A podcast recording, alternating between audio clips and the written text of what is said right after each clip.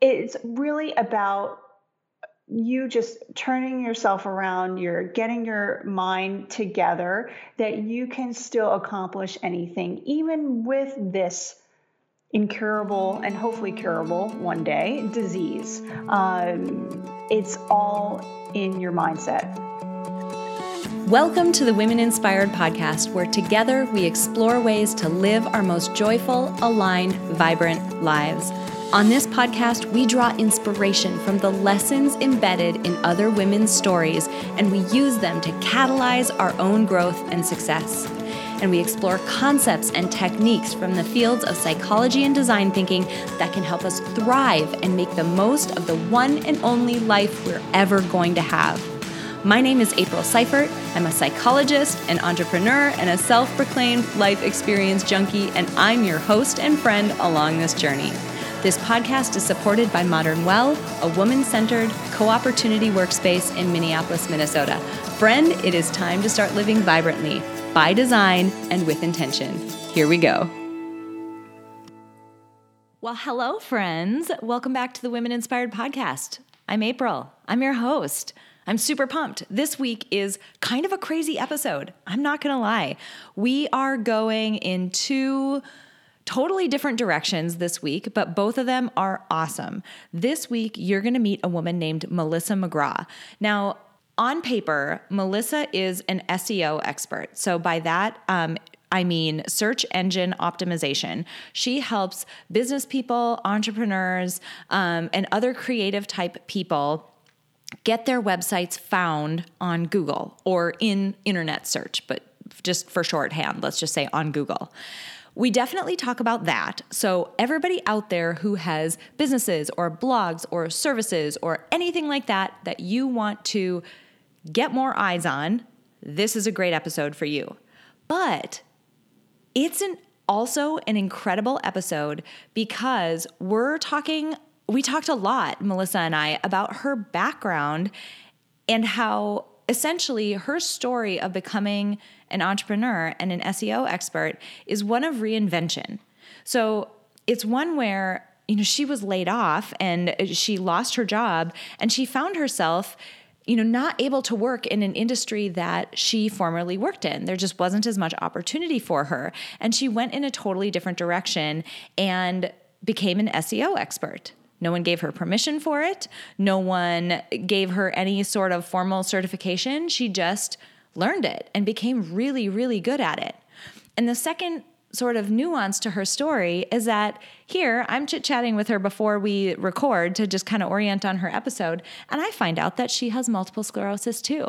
So we actually have a really interesting discussion about um, the impact of some of these big life experiences on decisions like becoming an entrepreneur and creating you know a business and creating your own revenue because ultimately she had a similar experience to what I had. She realized after she was diagnosed with MS that, holy cow, life is short and your abilities that you have right now are not guaranteed. She also went blind, she experienced blindness. So, you know, it's just such an incredible episode this week because you're going to get a little dose of inspiration in her story. You're going to get a little dose of permission to, you know, go reinvent yourself. And then you're going to get some pretty expert information about how if you have a creative project or you have a product or service, how you can get it in front of more people. So, like I said, it's a crazy ex- episode this week, but a really amazing one.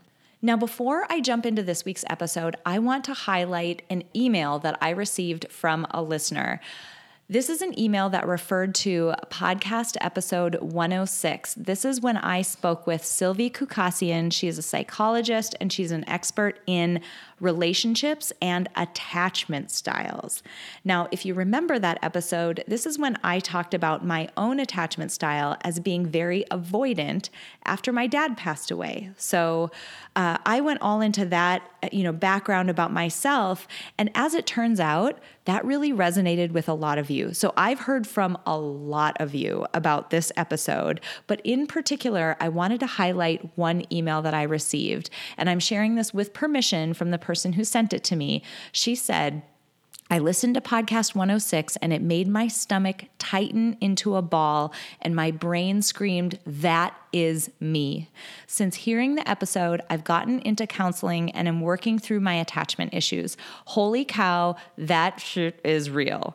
I had never heard of the theory before and fortunately found a counselor who believes in the psychology and the science behind the concept. So thank you. Your podcast has made a difference in my life and I'm grateful for you.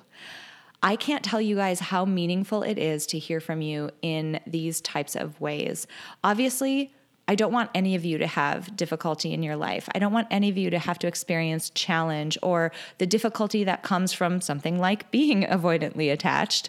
But if you do, I'm so grateful to be able to bring these women on and bring their expertise and their, you know, backgrounds and their stories and the lessons from them because when I hear from you, I know it's making a difference. So I'm so intensely grateful for every single one of you who listens each week and for all of you who reach out and leave me reviews and share my episodes with your friends and family when it's relevant to them and send me messages on my website. You have no idea what that does. And you have no idea how just wonderful it makes me feel that this project that I'm doing is having an impact on you guys. So, thank you so much to that listener for reaching out and for your email and sharing your own, story and being willing to allow me to share it with the rest of my audience because I think it's so important for us all to see this incredible community that we're creating together. All right, so enough blah blah for me. You uh, came here to hear an awesome interview, and I am going to give one to you. So, without further ado, let's meet Melissa McGraw. Melissa, thank you so much for joining me for this episode. I'm excited you're here. I'm so excited to be here. Thanks for having me. All right. So, we were chit chatting a little bit before this show, and we went down some really crazy rabbit holes. So, I'm really excited for this conversation because it is going to be, let's just say, it'll be very multidimensional. I think we're going to hit some really interesting topics. Um, but before we get into that, can you just give us a quick run through of who you are? Just help us get to know you a little bit. Well, I'm the owner of the Creative Potential, and I help entrepreneurs. They can be product based businesses or service based businesses help get their businesses found online. So I specialize in SEO, that's search engine optimization, and search engine marketing, and that's like Google AdWords, that's paid advertising. I also help clients get their products on Amazon. I've written over 100,000 product listings currently uh, for products that are sold on Amazon today. Wow. Holy cow. That's a ton. That's a lot. Yeah. Wow. Absolutely. Okay, cool. So we're definitely going to get into that um, for a couple of reasons. So, folks listening to this, um, I was excited to chat with Melissa and get into her specialty area because, one, if you are a part time blogger, or even if you do it for fun, this really applies to you.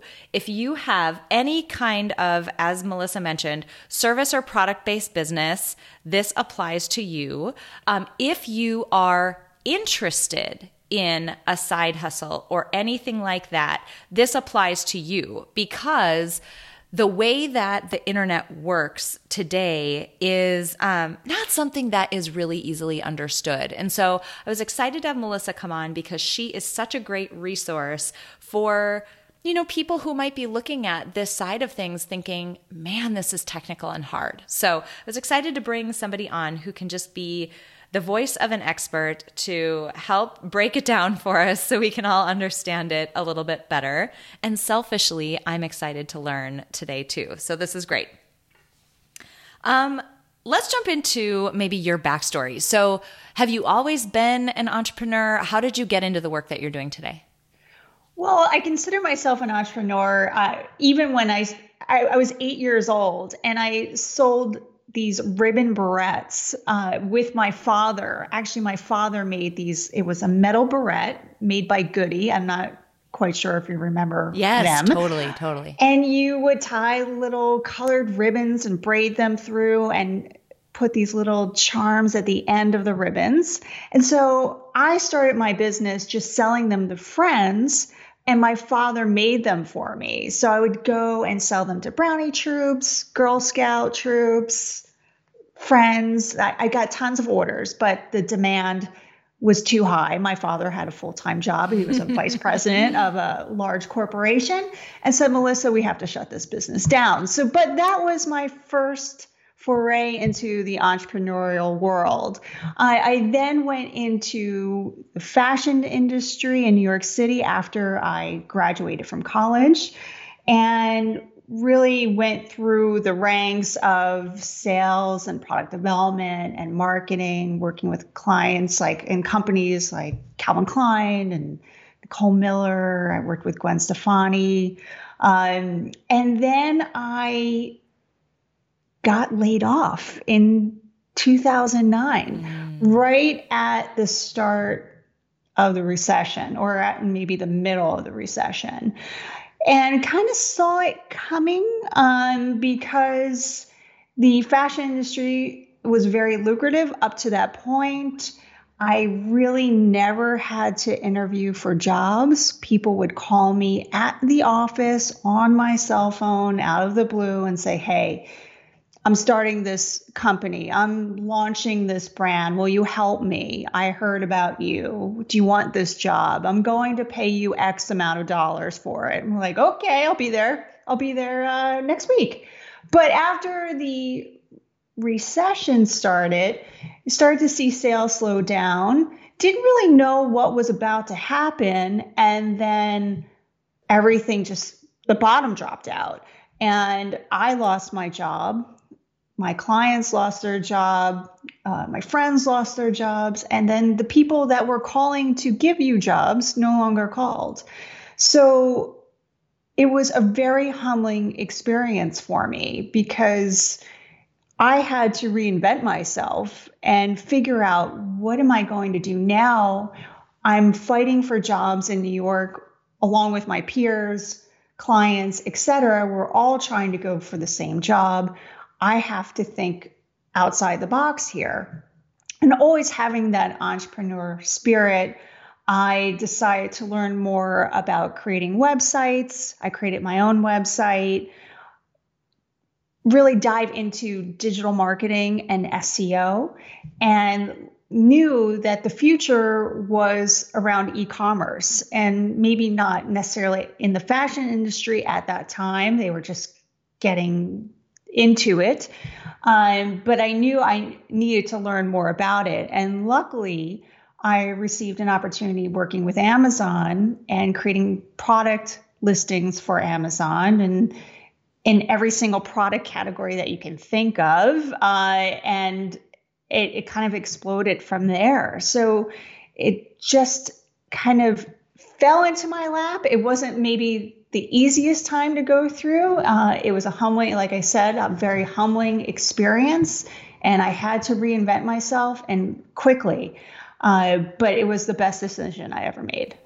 I love that. What's interesting about that is uh, two things. Number one, that it started from a layoff, and that's actually what happened with me too. I, um, you know, the the company that I was with, they were a startup company, wonderful company, but just the way things worked out, they, you know, they had to cut expenses and that meant laying some people off. Um, so that happened. And I found myself in a similar situation, like really questioning what I wanted to do with my next steps.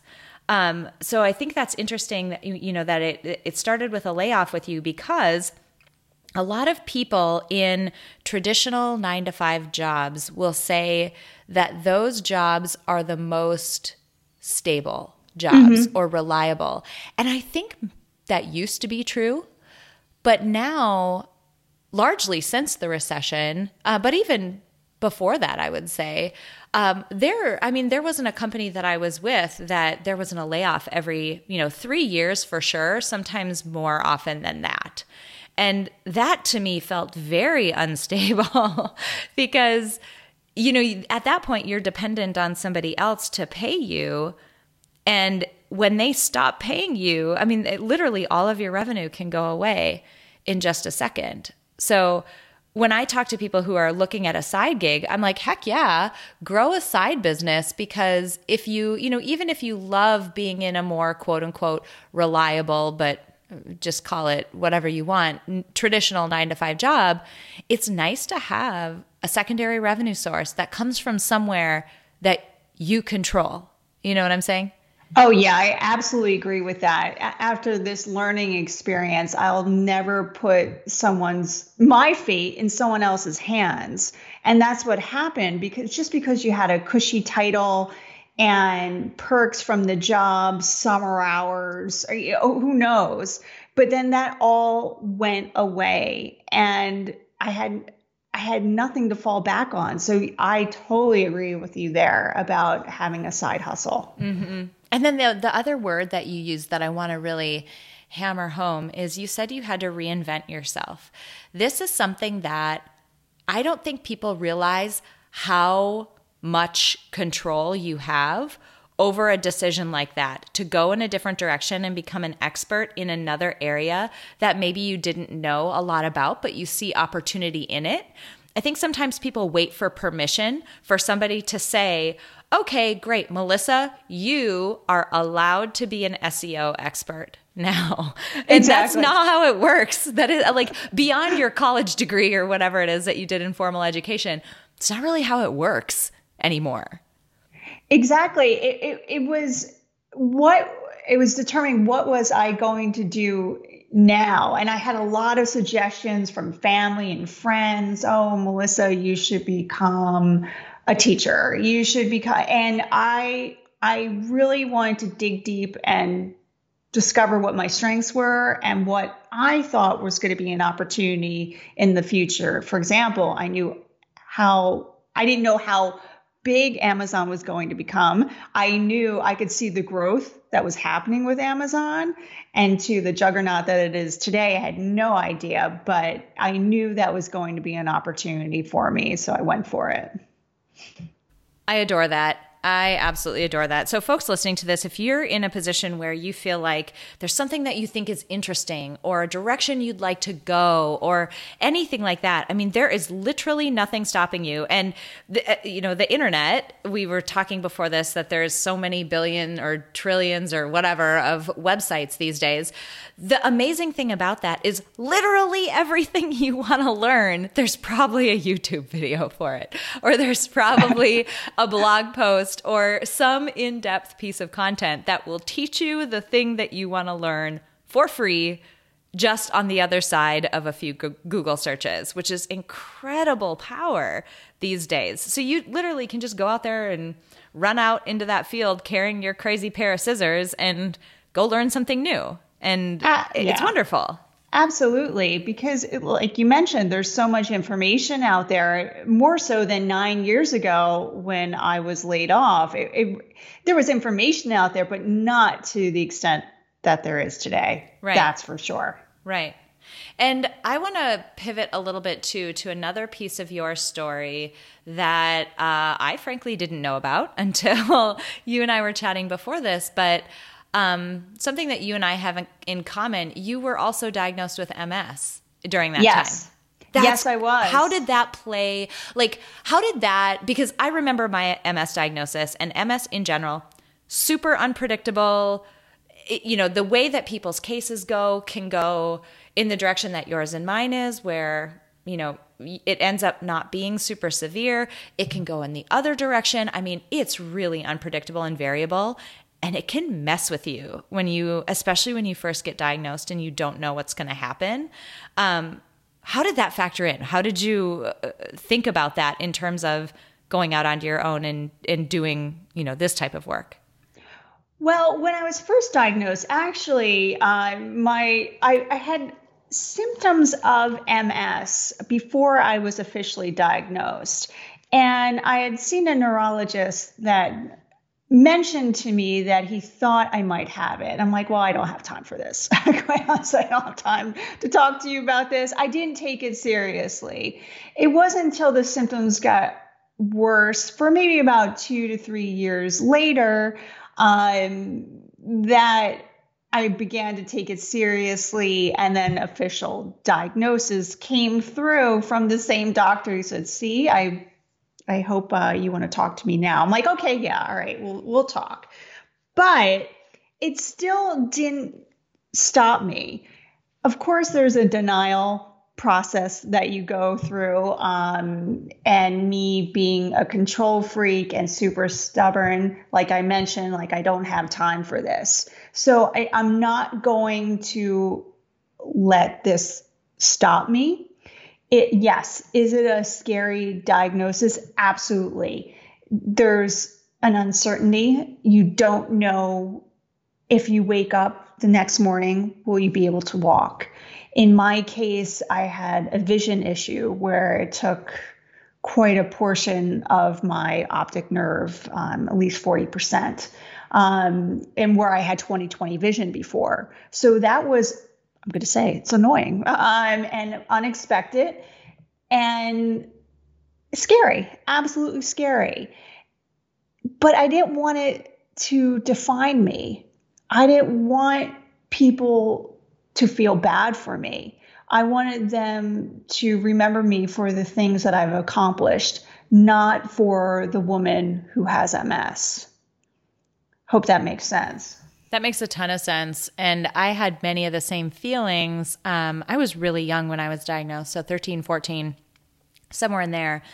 But I had a lot of the same feelings at the time that I I also had vision loss. I went blind twice. Like it, it came back and then I lost it again and then it came back and luckily I haven't had uh, vision loss since then. But um, I had a lot of the same thoughts that I was afraid that that was all people would focus on. I was convinced that I would never get married. I would never have kids. No one would ever mm-hmm. love me.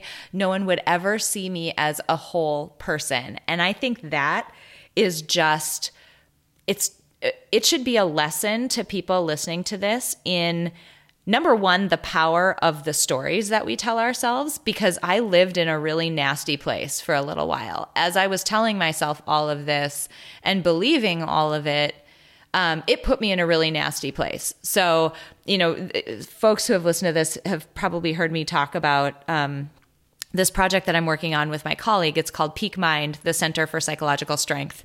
Um, we one of the things that we say is your mind can be your you know biggest asset or your worst liability, and you get to choose. Mm-hmm. And literally, that's an example of it where I was telling myself all of these things over and over about how I wasn't a complete person and I wasn't going to get married and I wasn't going to live a full life. And it put me in a terrible place.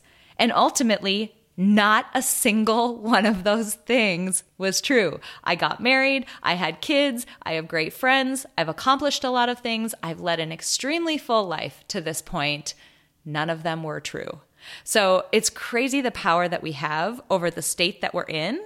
And we can really put ourselves in a bad place or a good place depending upon how we handle things like that.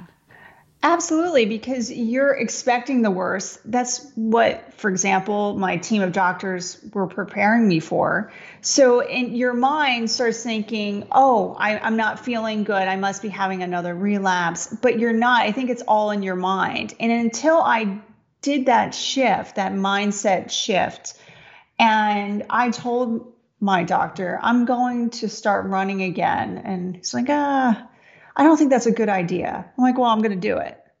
So I'm running six to 10 miles a week. And he can't believe it. Uh, mm. it it's really about you just turning yourself around, you're getting your mind together that you can still accomplish anything, even with this incurable and hopefully curable one day disease. Um, it's all in your mindset.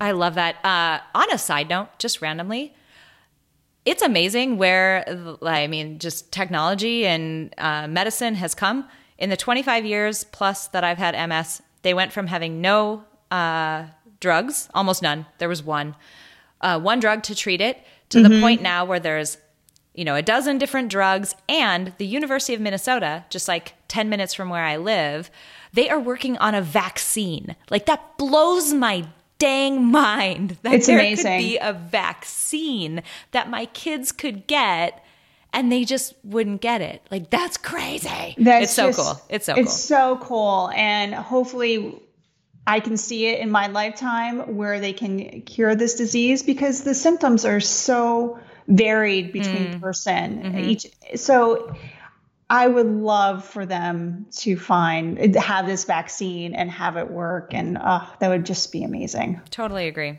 Okay, so I told you we'd end up going down that rabbit hole. I knew we would go there. But okay, I want to shift gears a little bit to the work that you do because I would be missing an opportunity to not dive into this crazy world of search engines and the internet. Um, I will absolutely say so. The job that I was laid off from was a dot com uh, startup.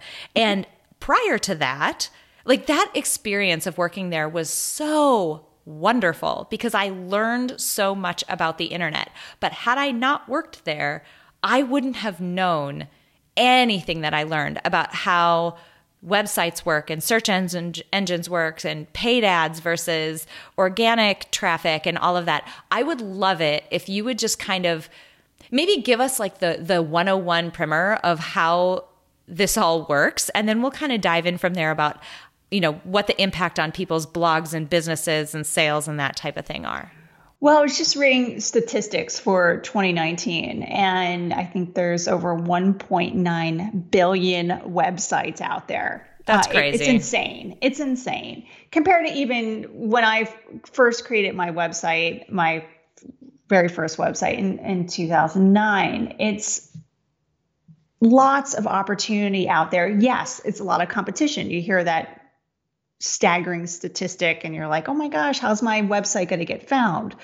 But when I talk to most of my clients and they're entrepreneurs and they build a pretty website and they're really focused on the design aspect of the website, they kind of forget how it's going to be found online. And that starts with search engine optimization or SEO, and that's organic search. People finding your website organically. And what would they need to type into Google? And I'm going to reference Google because Google owns 93% of the search out there. So I'm just reference Google. What would they need to type into Google to find their business online? And that's the first step in taking SEO steps with your own business or website. Mm-hmm. Interesting. And think about that, right? Like whatever the topic is of your blog or whatever type of product you would sell, if you're searching, if someone's searching for travel blogs or whatever it might be, think of how many out of that 1.9 or whatever giant number you said billion, how many of those websites are probably travel blogs? Like, oh my gosh, it seems it seems impossible actually from my perspective somebody who like i have aprilseifert.com peak peakmindpsychology.com like we're it seems impossible to rank on google anymore i mean as you start to work with people like what are some common things that you see people missing or not realizing you know you mentioned like they, they work so hard on how their website looks and then no one gets to see it because mm-hmm. they're not optimized like what are some common things like maybe three quick hits that people don't realize Well, not realizing how people are searching. You kind of get into your head and get very technical, and you don't realize that people might not be searching that way. And for example, I have a client, she's a grief counselor. And she has grief counselor written throughout her site, and that's fine. That's a technical term. Now, some people that are experiencing grief might not search for grief counselor or grief therapist because they didn't know that's what it was called. Um, they would type into Google, I just lost my parent and I need some help. I just lost my dad. I need some help. I just lost my pet. I lost my. That is how people are typing into Google these days. It's very, very specific. It might be longer words, like five to seven words. We call that long tail keywords, rather than something very broad. So that's the first step is really starting to think about how people would search and specifically, not just the technical term. Well, and what I want to point out there before you go on is the the in, interesting strategy about it is the in the example that you gave, it wasn't the in this case service that the person provides, right? Grief counseling. Mm-hmm. That it wasn't the service that people are likely typing in. They're typing in their problem that the service would solve, right? Like Absolutely. It's they're not looking uh, there's this i uh, my day job is in customer experience design and lots of times we talk about this uh, example around um, people don't they're not looking for a quarter inch drill bit. They want to drill a quarter inch hole. Right. so ultimately it's the problem that they're trying to solve that's core to that person and you just need to get in their head around you know what those problems are and then try to point your your website in that direction. But it's just such an interesting distinction. Absolutely. And I even tell product based entrepreneurs is what benefits does your product provide? Mm. What how what type of problems, like you mentioned, would it solve? No matter if you have products or services, because you're right, that is how people are searching online. And we get so in our heads and technical. For example, even my topic, SEO. Well, that is a very broad keyword. It's very hard to rank for on Google. It has lots of competition. It's what we call keyword difficulty is very, very high. Now, if I would have on my site, I need help getting my business found online, that's very specific, easier to rank for on Google. So it's having those types of combinations of how people would search and that we call them search terms on your site is very, very important. Interesting. Oh my goodness. So I'm thinking about then um, specific instances where you've worked with people to make changes to their site and to help them rank. Like ultimately, and here again, I'm going toward the problem that this would solve, right? Why do I care how high up I am? Um, what kinds of implications have you seen this make in people's businesses? Because ultimately, you get seen online, you're easier to find than your competition. You know, people are more likely to go to your business. So, what kinds of tangible results have you seen with people? Well, I'm very, very fortunate. I've helped clients, uh, they've increased their organic reach anywhere from 20 to 60% per month based on the optimization that we've done with their site. I think, especially if you have a service based business and want to be found locally, you want to make sure that you have that throughout your site. So if you're, you're a career coach in Washington, D.C., your site has to indicate that. You want to get clients from the Washington, D.C. area. Uh, and that's also optimizing your images. And we often fail to do this, and I've done it myself in the past. We upload images to our website, and the file name is named image123.jpg. Here's a chance to, for example, if you are a career coach in Washington, D.C., to rename it Career Coach Washington, D.C.jpg. You're adding some keywords just into that image. That's so it's, tricky. It is. It is. It's it's something that most entrepreneurs forget about because they're just quickly just uploading images and it's whatever it's named, it's named. But here's a chance to name your images because Google doesn't know what these images are. So when it's scanning your site, here it is. Here's a keyword. Oh, okay. Someone's looking for this. I'm going to display their site in the search engine results. Interesting. That's so tricky. That is so tricky. You also mentioned that you do some uh, search engine marketing or SEM. Can yes. you talk people through what that is and how that compares to SEO, like how they sort of go hand in hand?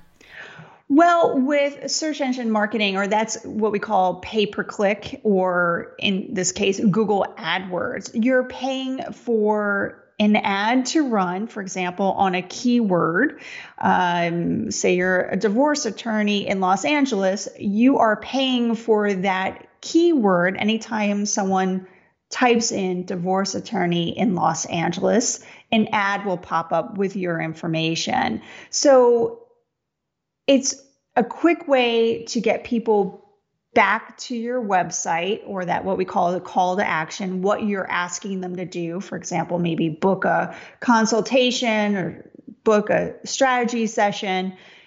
It can uh, create results that are a lot quicker than organic search. But I think both are needed, uh, especially the organic optimization, because it's free. So if you can optimize your website for organic search or have someone do it for you, it's very, very important to do so. Mm-hmm. Absolutely. So when somebody comes to you, like somebody comes to you with their business, maybe it's a brand new business, um, how do you help them? Like, what does that look like in terms of somebody working with you and the types of things that you would do with someone?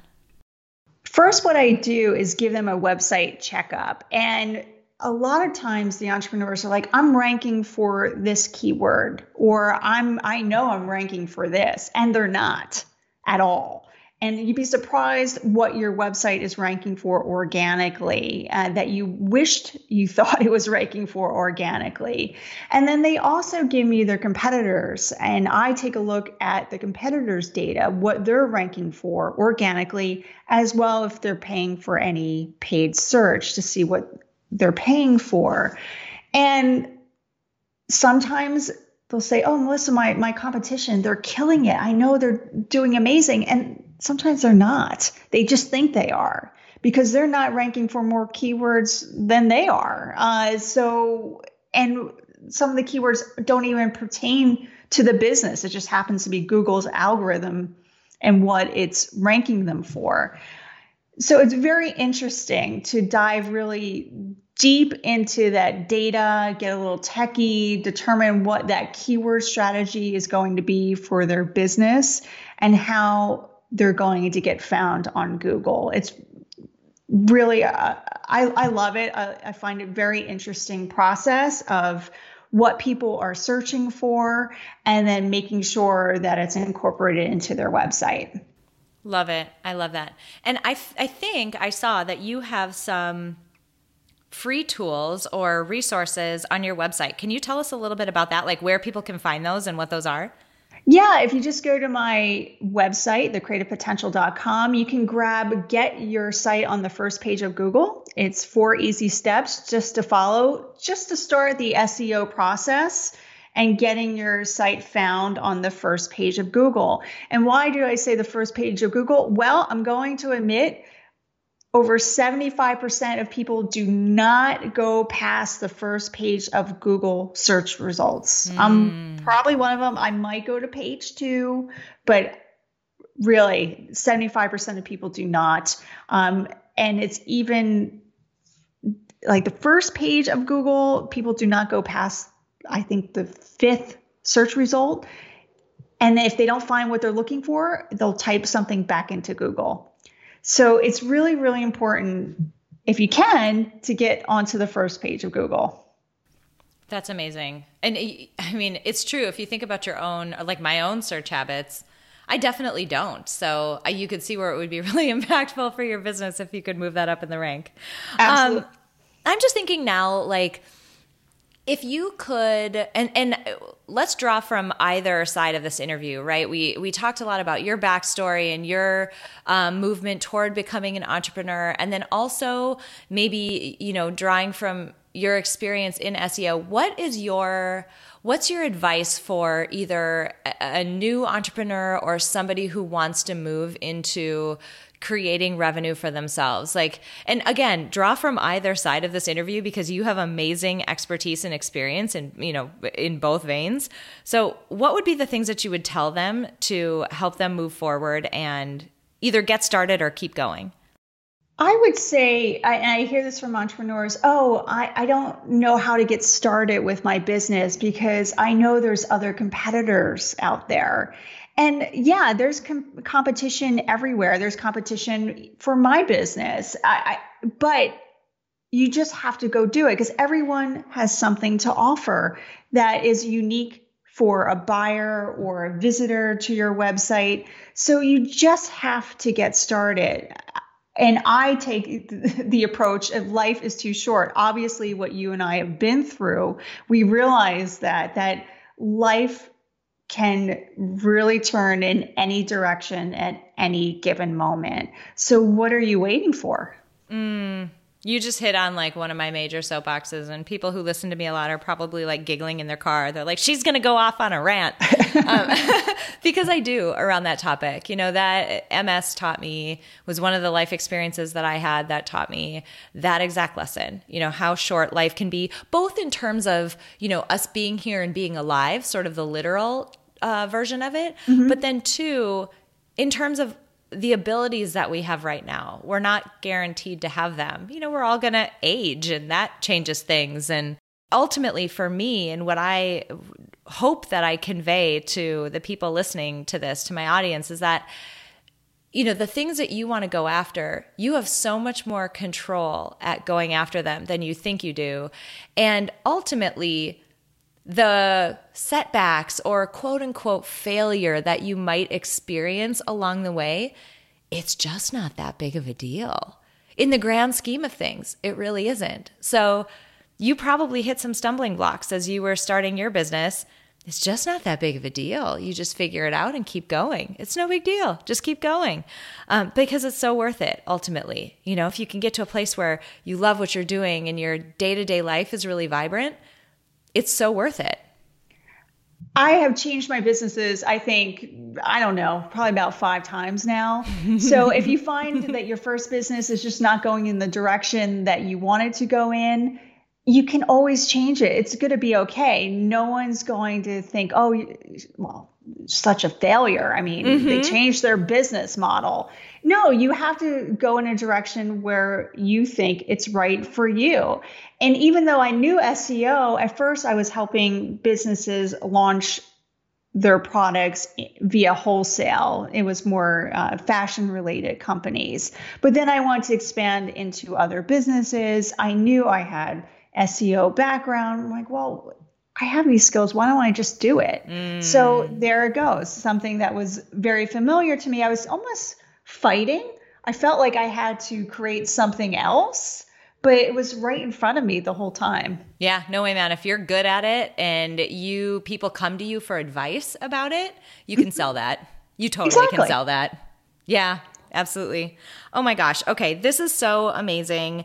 I know that there are people listening to this who um, minimally would be interested in the free resources that you have, but definitely should look into, um, you know, the other just resources and, and the website overview and audit that you were talking about because this really can change the way that your business operates. Remind us again where people can find you if they're interested in that. You can find me on my website. It's thecreativepotential.com. You can find out more about my optimization package, the SEO My Site Now package, and that's going to SEOmysitenow.com. And you can find me on Instagram, The Creative Potential. I think you can find me on Pinterest, The Creative Potential, Twitter, The Creative Potential, my Facebook. Um, I do have a new group all about SEO. It's it's getting into that techie stuff, but it's called Getting Found Online with Melissa McGraw. I love it. Melissa, this has been amazing. Not only you know, just for selfishly for myself and getting to pick the brain of somebody who knows the internet so well and knows search so well, um, but two, just you know your story of reinvention that that theme just kept coming up as we were talking and it just lights my heart on fire because it means that no matter where we're at we can always point in a different direction and go down a different road. So i just appreciate you being here you sharing your expertise and sharing your story and your life experience. This was just awesome. Thank you for having me there you have it. Was I right or was I right? That was a crazy episode. That went in a couple of totally disparate directions, but I hope you can see how it all sort of weaves together into this woman's amazing story. I'm going to hit a few things. Um, number one, this concept of reinvention. Ah, I love it so much. I love it so much. I'm so, so happy that we had that discussion because. I don't know about you, but I sometimes fall into that trap of feeling like someone needs to give me validation or give me permission to take on a certain, you know, new expertise or start doing something that I haven't done before. And I'll give you a really tangible example. So, in my day job, I am part owner of a company that does revenue growth strategy for other companies. So, we help them make more money with their existing customer base.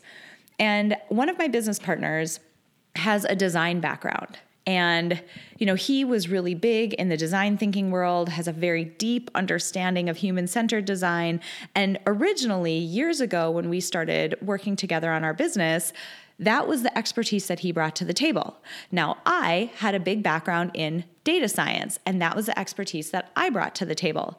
And as we started working together, um, it's been interesting because both of us have been interested in the work that the other person had been doing. We both like learning new things. And I was like, huh, that's interesting. Design thinking is super powerful, and I'm really curious about it. But I felt, if I'm being totally honest, I felt like well, that's not my area, though. That's his area. That's not my expertise. I didn't go to school for that. I don't have any experience in that. I can't say that I do design thinking because I don't have like a qualification in it. Nobody has given me permission to call myself a person who is an expert or even has experience in design thinking.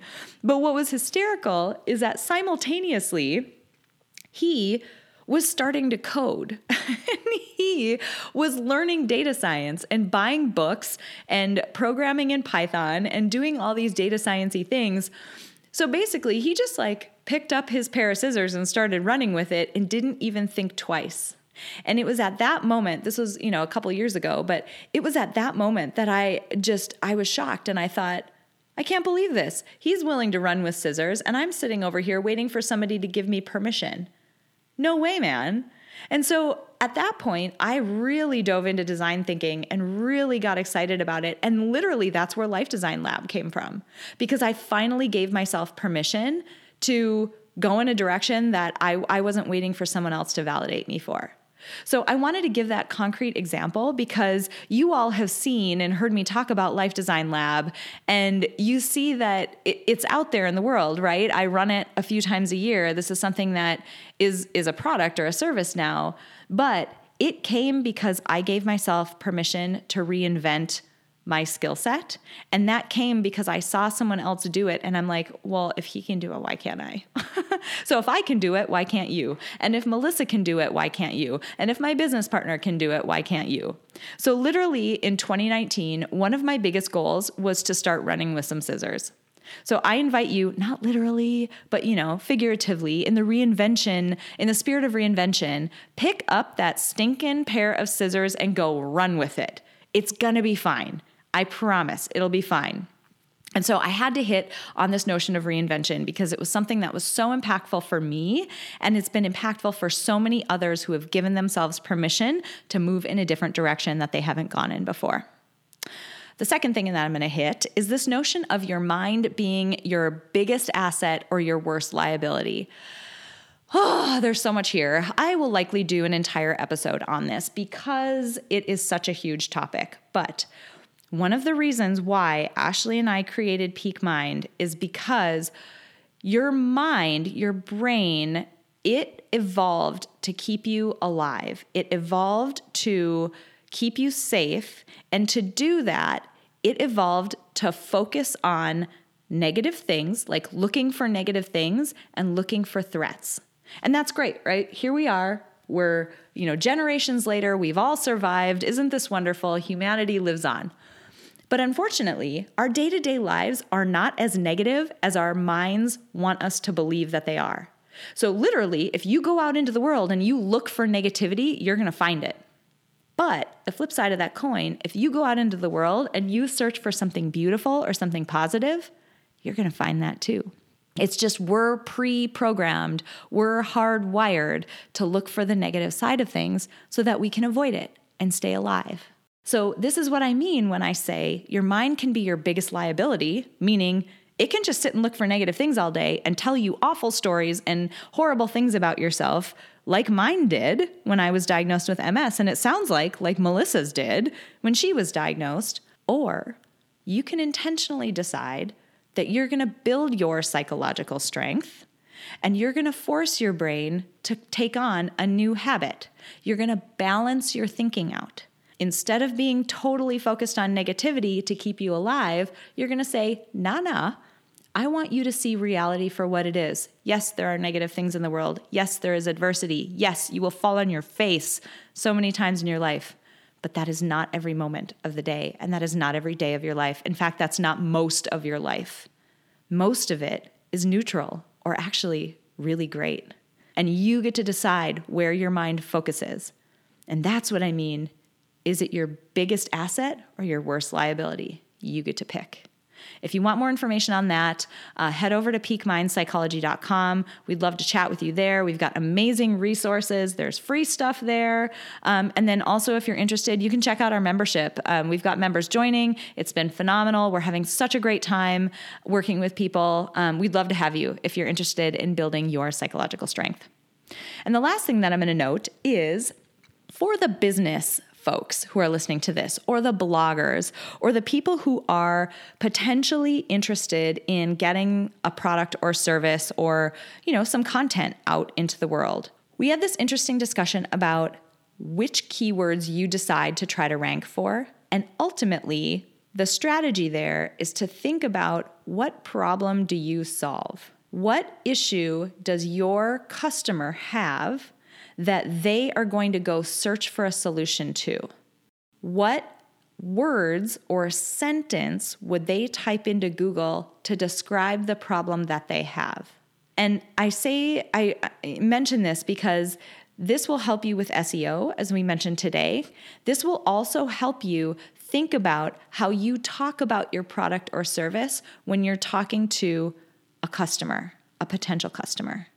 So for folks who are here, who are in the business world, in the blogging world, in, you know, provide a service, anything like that, think about it from your customer's perspective. They don't care what the jargon is. This is huge in data science. I don't care what the cool, fancy words are in data science. What business problem does it solve for me? And that's why we can sell these crazy, you know, data science projects because ultimately we link that statistical model that is, I mean, let's be realistic, it's boring and it's a black box. That boring statistical model, we link it to a business result that drives revenue. So think about that the next time you're talking to potential clients, potential readers, potential listeners, anything like that about your product or service. What problem do you solve? All right, I'm gonna stop talking. This outro is really long. I hope you guys are still with me. Honk your horn if you are. I'm just kidding. Um, I hope you guys are having an amazing week. Thank you so much for being here, for tuning in every week. I love you guys for it. You have no idea. Um, and I'd love to hear from you. What impact has this podcast had on you? What have I or a guest of mine done that has helped you in some way? I'd love to hear from you because when I hear from people who have you know been impacted by these episodes it helps me calibrate and bring the right people on in the future so i'd love to hear from you if it is something that you are willing to share thanks so much you guys i will see you next week before we close out today, I want to say thank you to my producer, Cameron Hill, and to my incredible sponsor, Modern Well. If you want to learn more about how you can reach your goals in a one of a kind work life community, visit www.modernwell.co. If you enjoyed this episode, please share it with someone else who might benefit from this inspiring message. And if you have a moment, click the link in the episode description to leave me a rating and a review on iTunes. It would mean so much to me. Finally, I want to remind you that it is absolutely possible to live a happy, fulfilling life, even in spite of all of the chaos and demands we all experience.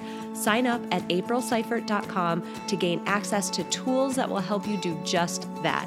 I have carefully created and curated a set of tools that combine the powerful fields of psychology and design thinking to help you intentionally create a fulfilling, happy life you love.